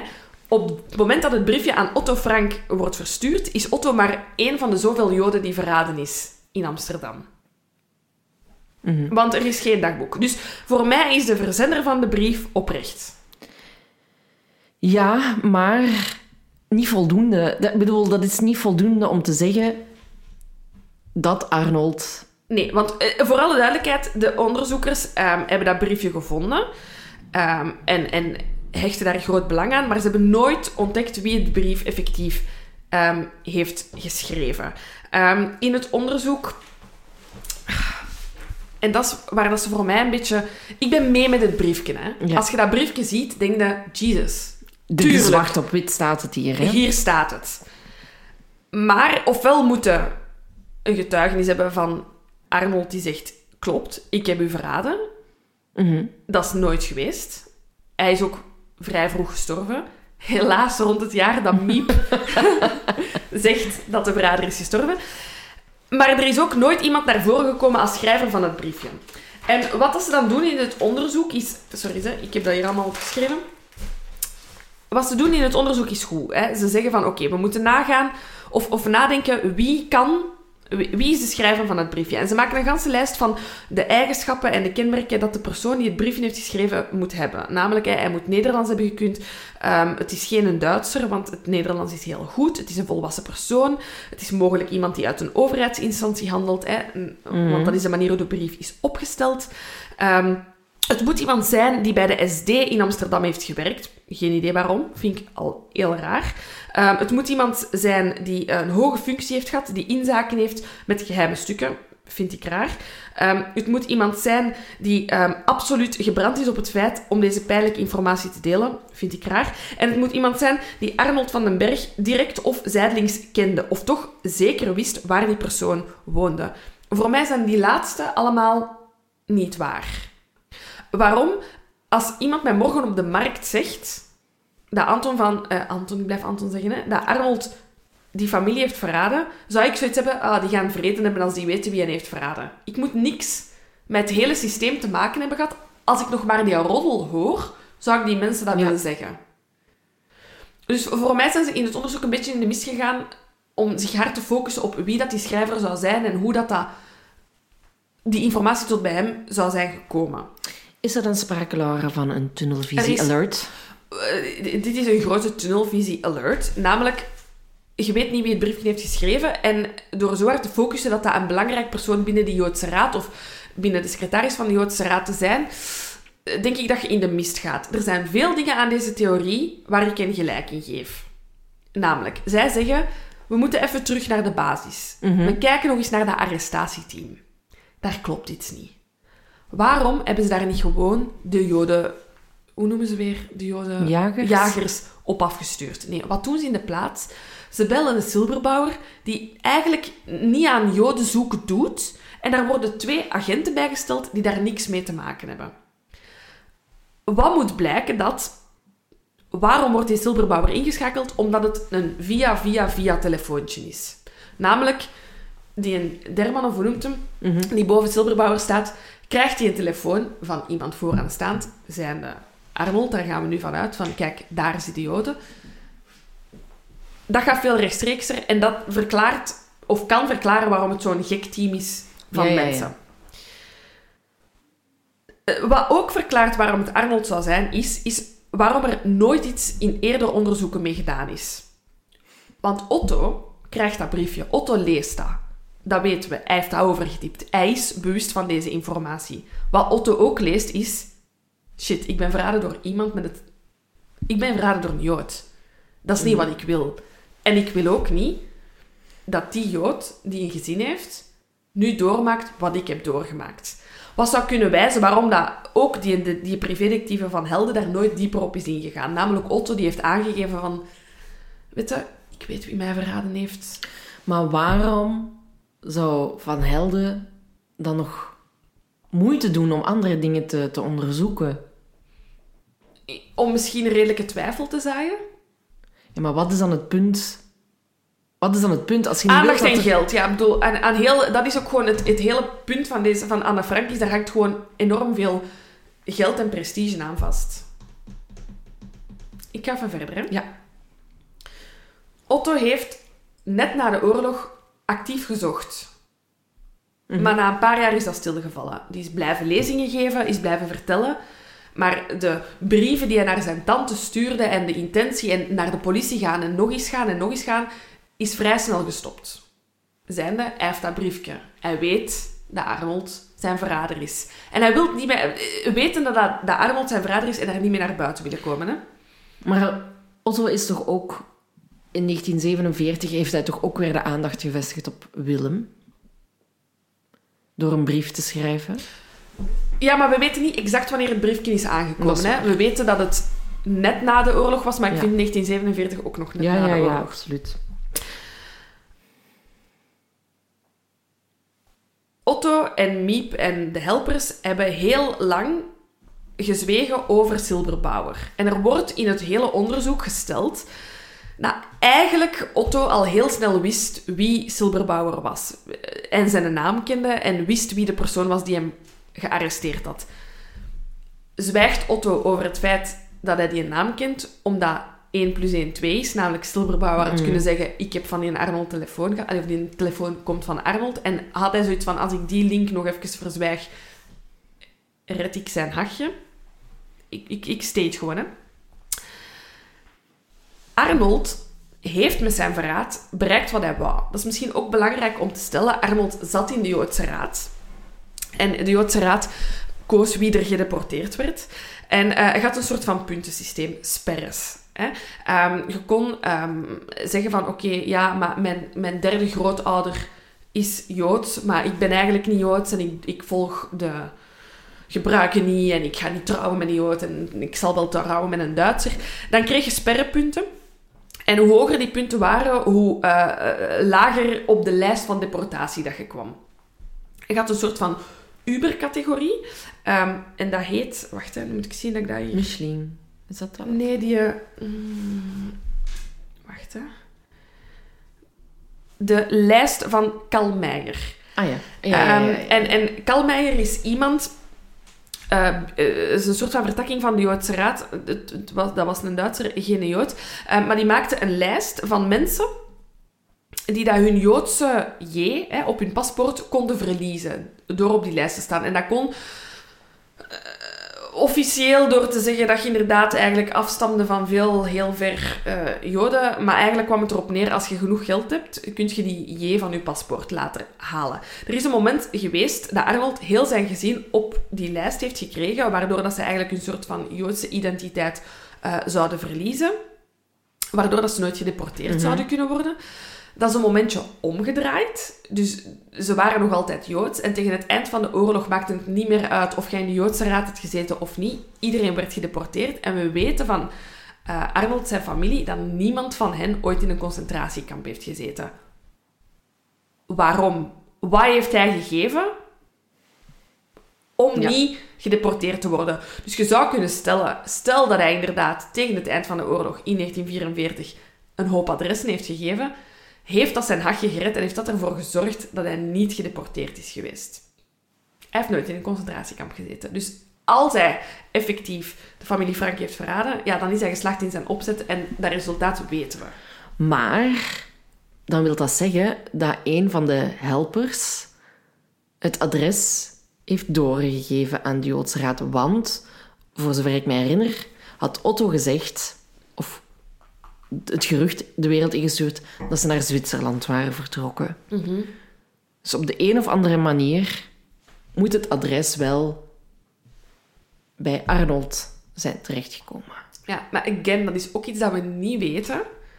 Die Joodse Raad is een heel ambigu orgaan. Hè? Ja, die, is, die is hard vertrouwd geweest door de Joodse gemeenschap. Voor hetzelfde geld heeft Otto gezegd waar dat hem ondergedoken ging zitten. Ja, dat is waar, maar dat is dan weer een bedenking Ja, ja. waar dat geen antwoord Nee, maar daar gaan, is. we, nee, nee we gaan, daar gaan we nooit een antwoord op weten. En we gaan ook nooit rechtlijnig weten in hoeverre dat inderdaad Otto tegen niemand iets heeft gezegd. En voor hetzelfde geld. En, en, en daar volg ik hem wel in. Er is een redelijke kans dat Otto wel wist dat Arnold hem heeft verraden. Ja. Je hebt de versprekingen van Miep, hè, waar dat we nu op komen. Maar ook Otto heeft zich regelmatig in toespraken versproken. Namelijk, heeft ook regelmatig gezegd, ja, maar die persoon ehm, is al overleden. En hij heeft net na ehm, de affaire van ehm, eh, de magazijnmedewerker, fuck, ik ben zijn naam Willem? kwijt, Willem, gezegd, het is Willem niet, want we zijn verraden door ons eigen volk.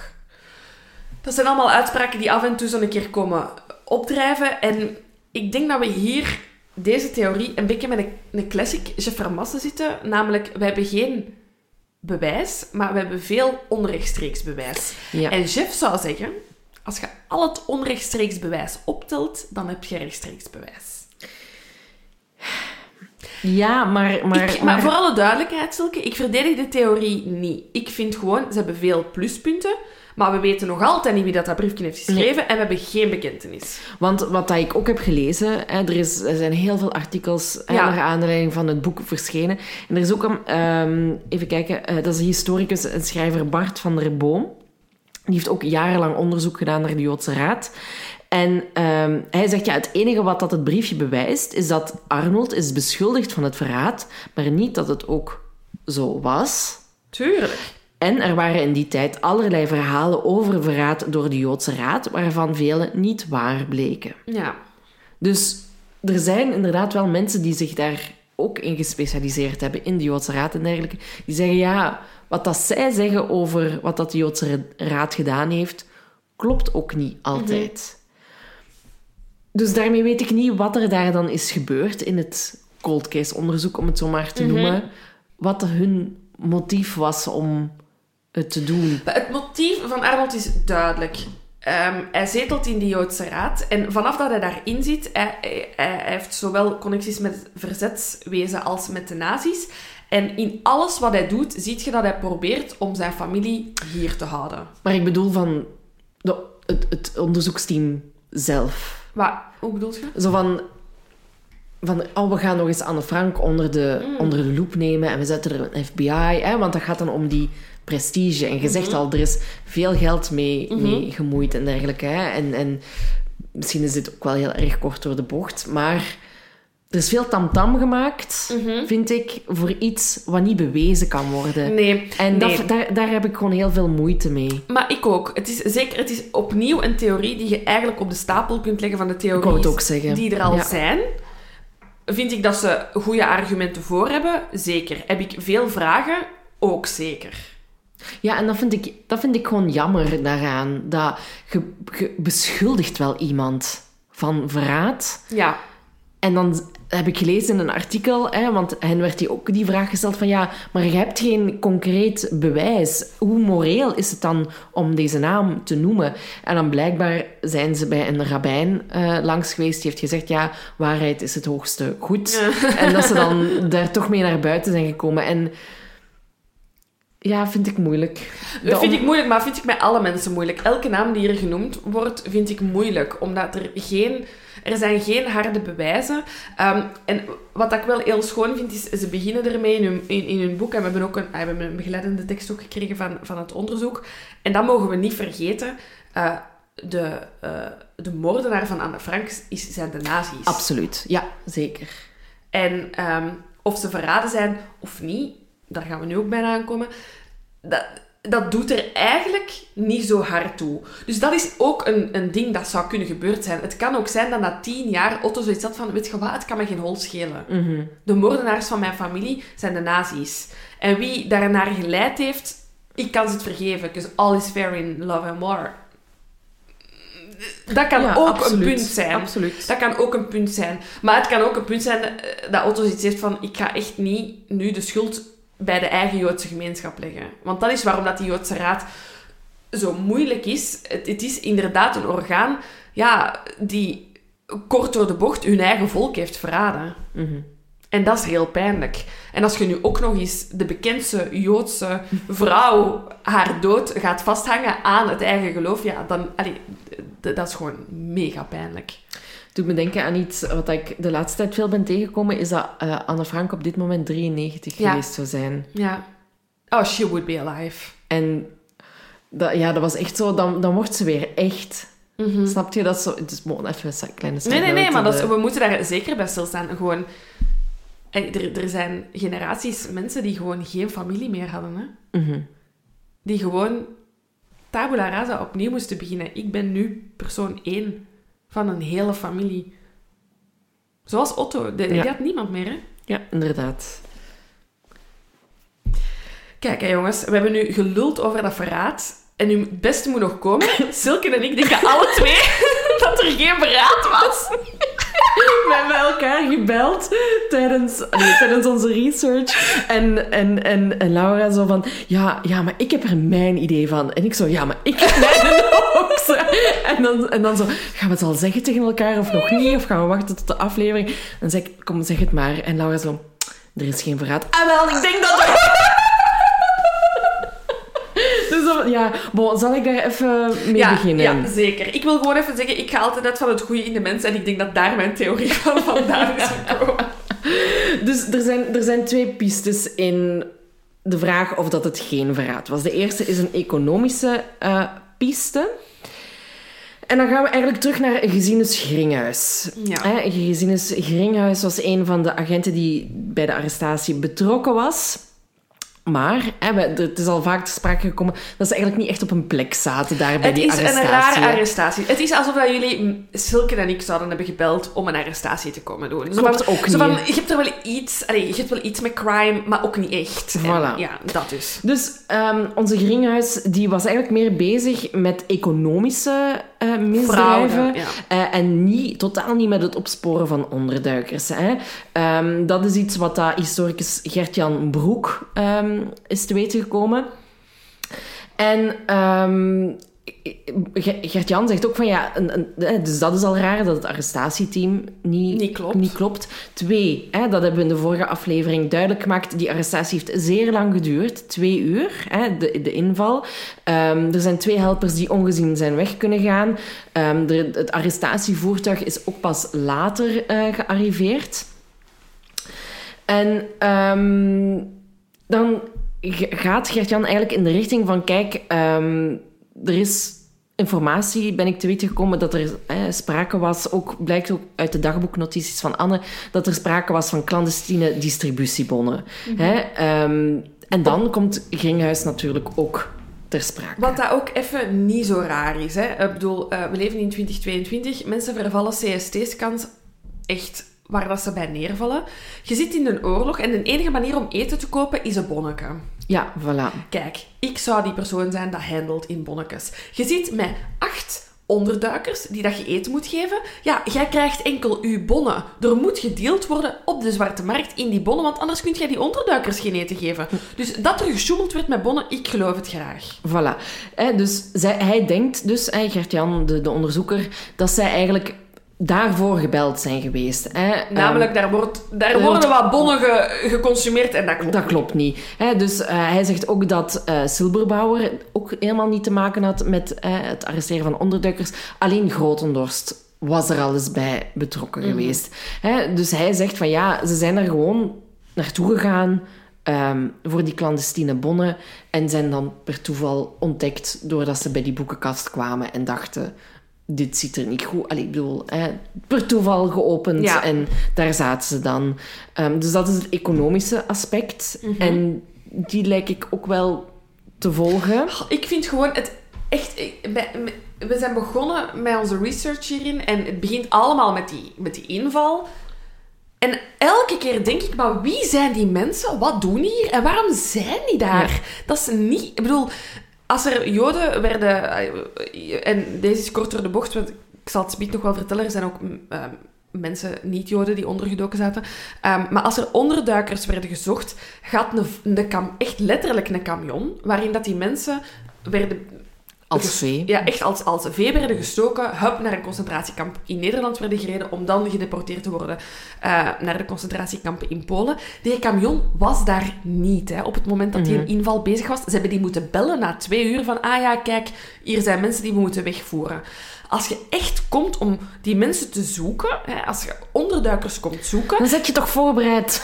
Sorry, je sluit dat gebouw hermetisch af. Niemand wist ook dat er een gans achterhuis was waar die mensen in zaten. De meeste onderduikers zaten letterlijk op een zolder, verstopt ergens, en, en leefden half in de open wereld, half ondergedoken. Je sluit dat gebouw af, alle ingangen, uitgangen. Dat is allemaal niet gebeurd. Die hebben daar twee uur lopen landrefanten, een keer een babbelen met een die, daar een keer gevraagd. Mensen zijn binnen en buiten kunnen gaan. Dat, ik bedoel, dat is echt de arrestatie amateur. Dus, Ja. eh, Dit is echt FC de kampioenen Wereldoorlog 2. Exact, exact. Dus dat is... Mijn gevoel gaat echt uit naar, naar, naar, naar dat het Toevallig geen was. Ja, want er is ook nog... ehm, en dat was eigenlijk mijn eerste gedachte van...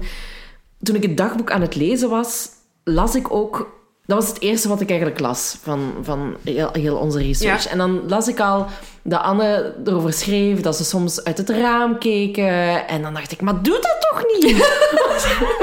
Meid! Stop! Zo, ehm, van, hoe kan... eh, Ja, dat het gewoon puur toeval is dat iemand hen gezien heeft. Want er was een hele... Ja, het achterhuis was omsloten door andere huizen, een soort van vierkant.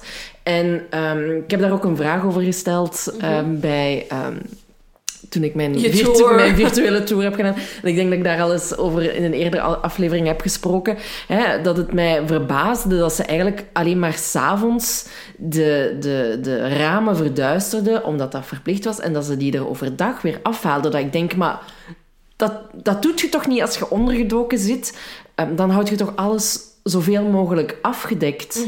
Maar ja, zij hebben dus... Allee, ik snap het ook wel, hè, als je twee jaar daar vast zit, ehm, dat ze daar, daar hebben, hebben gezeten. En dan, ja, kun je dat. En dan denk ik van, ja, er is een omwonende die het gezien heeft. Maar de kritiek op deze theorie is van, ja, maar waarom...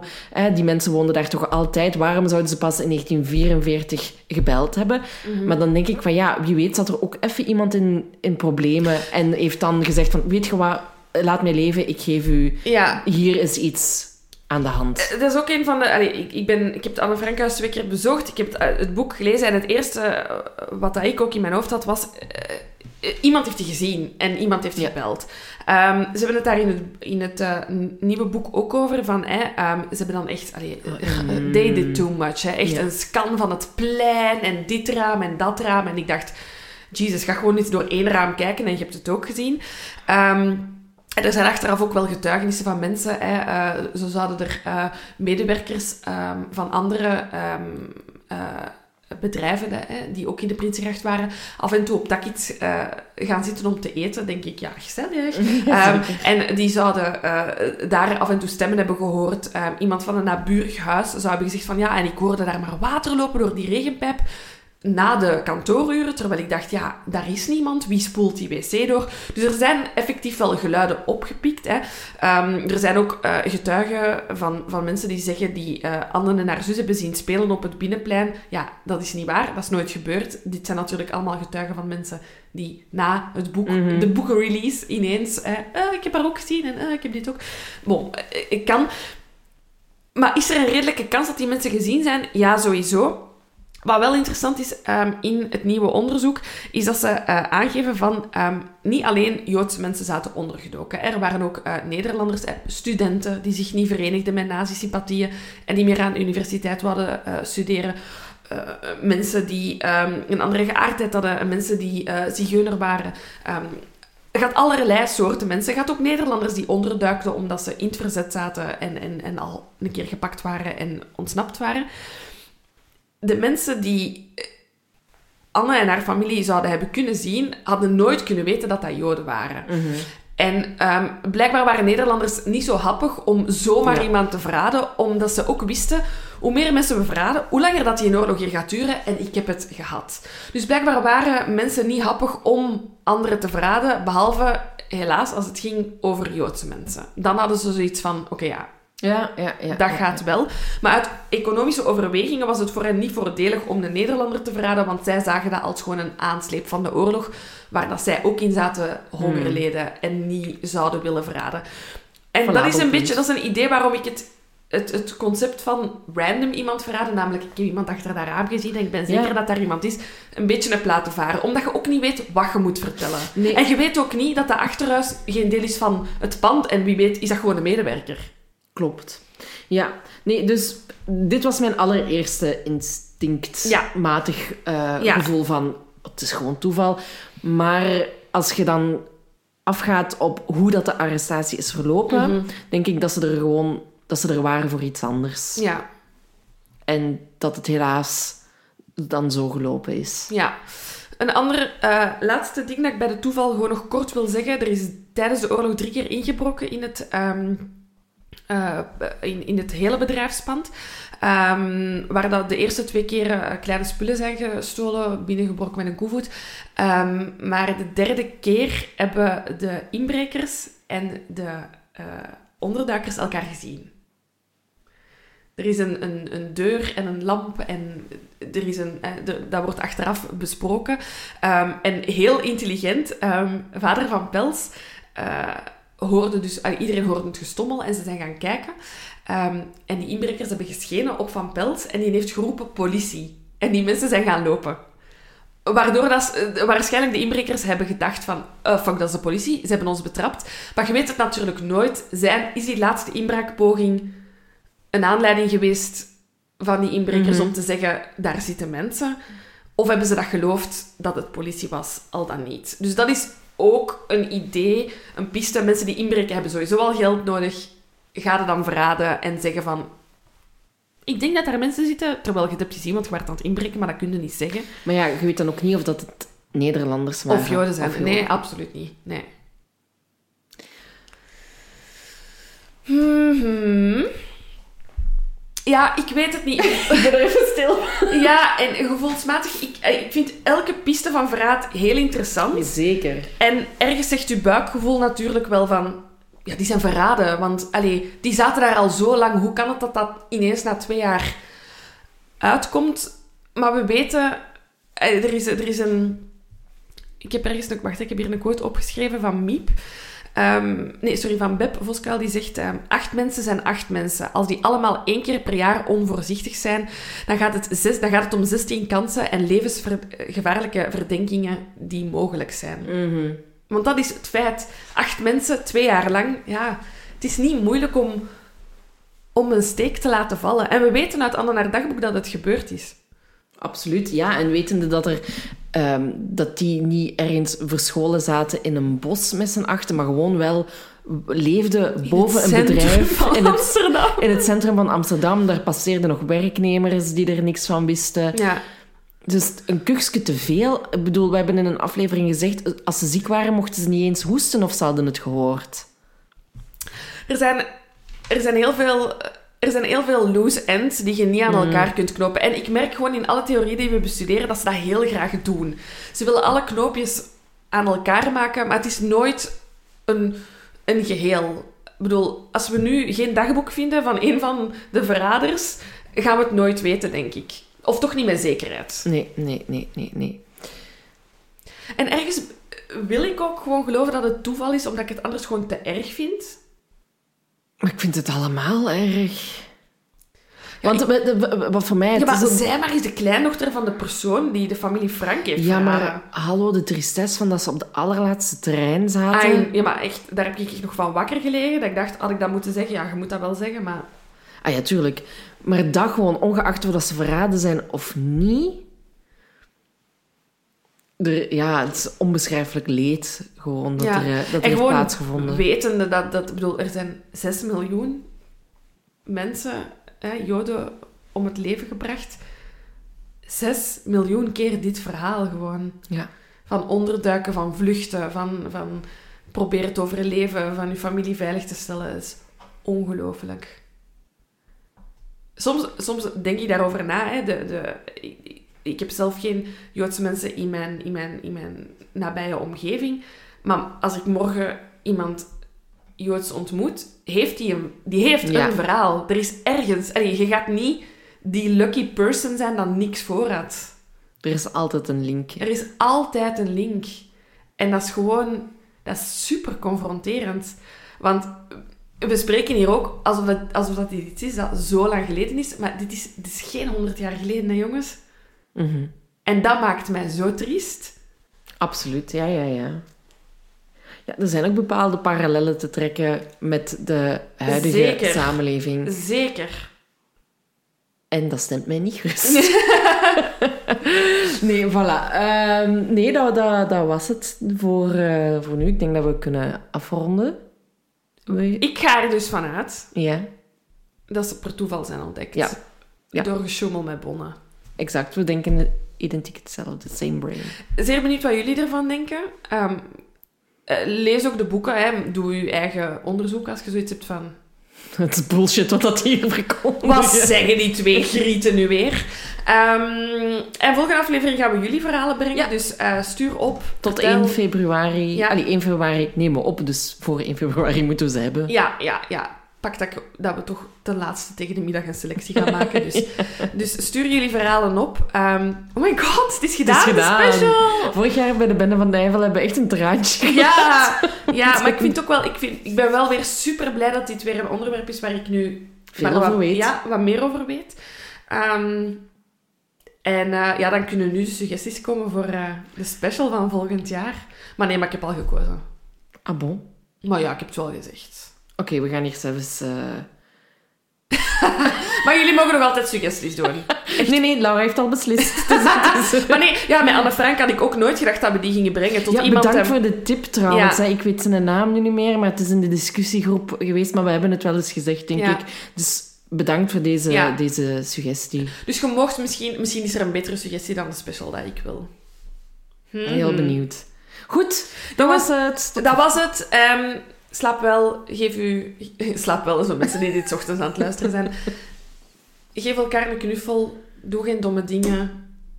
Wees lief voor Wees lief voor elkaar. Bye.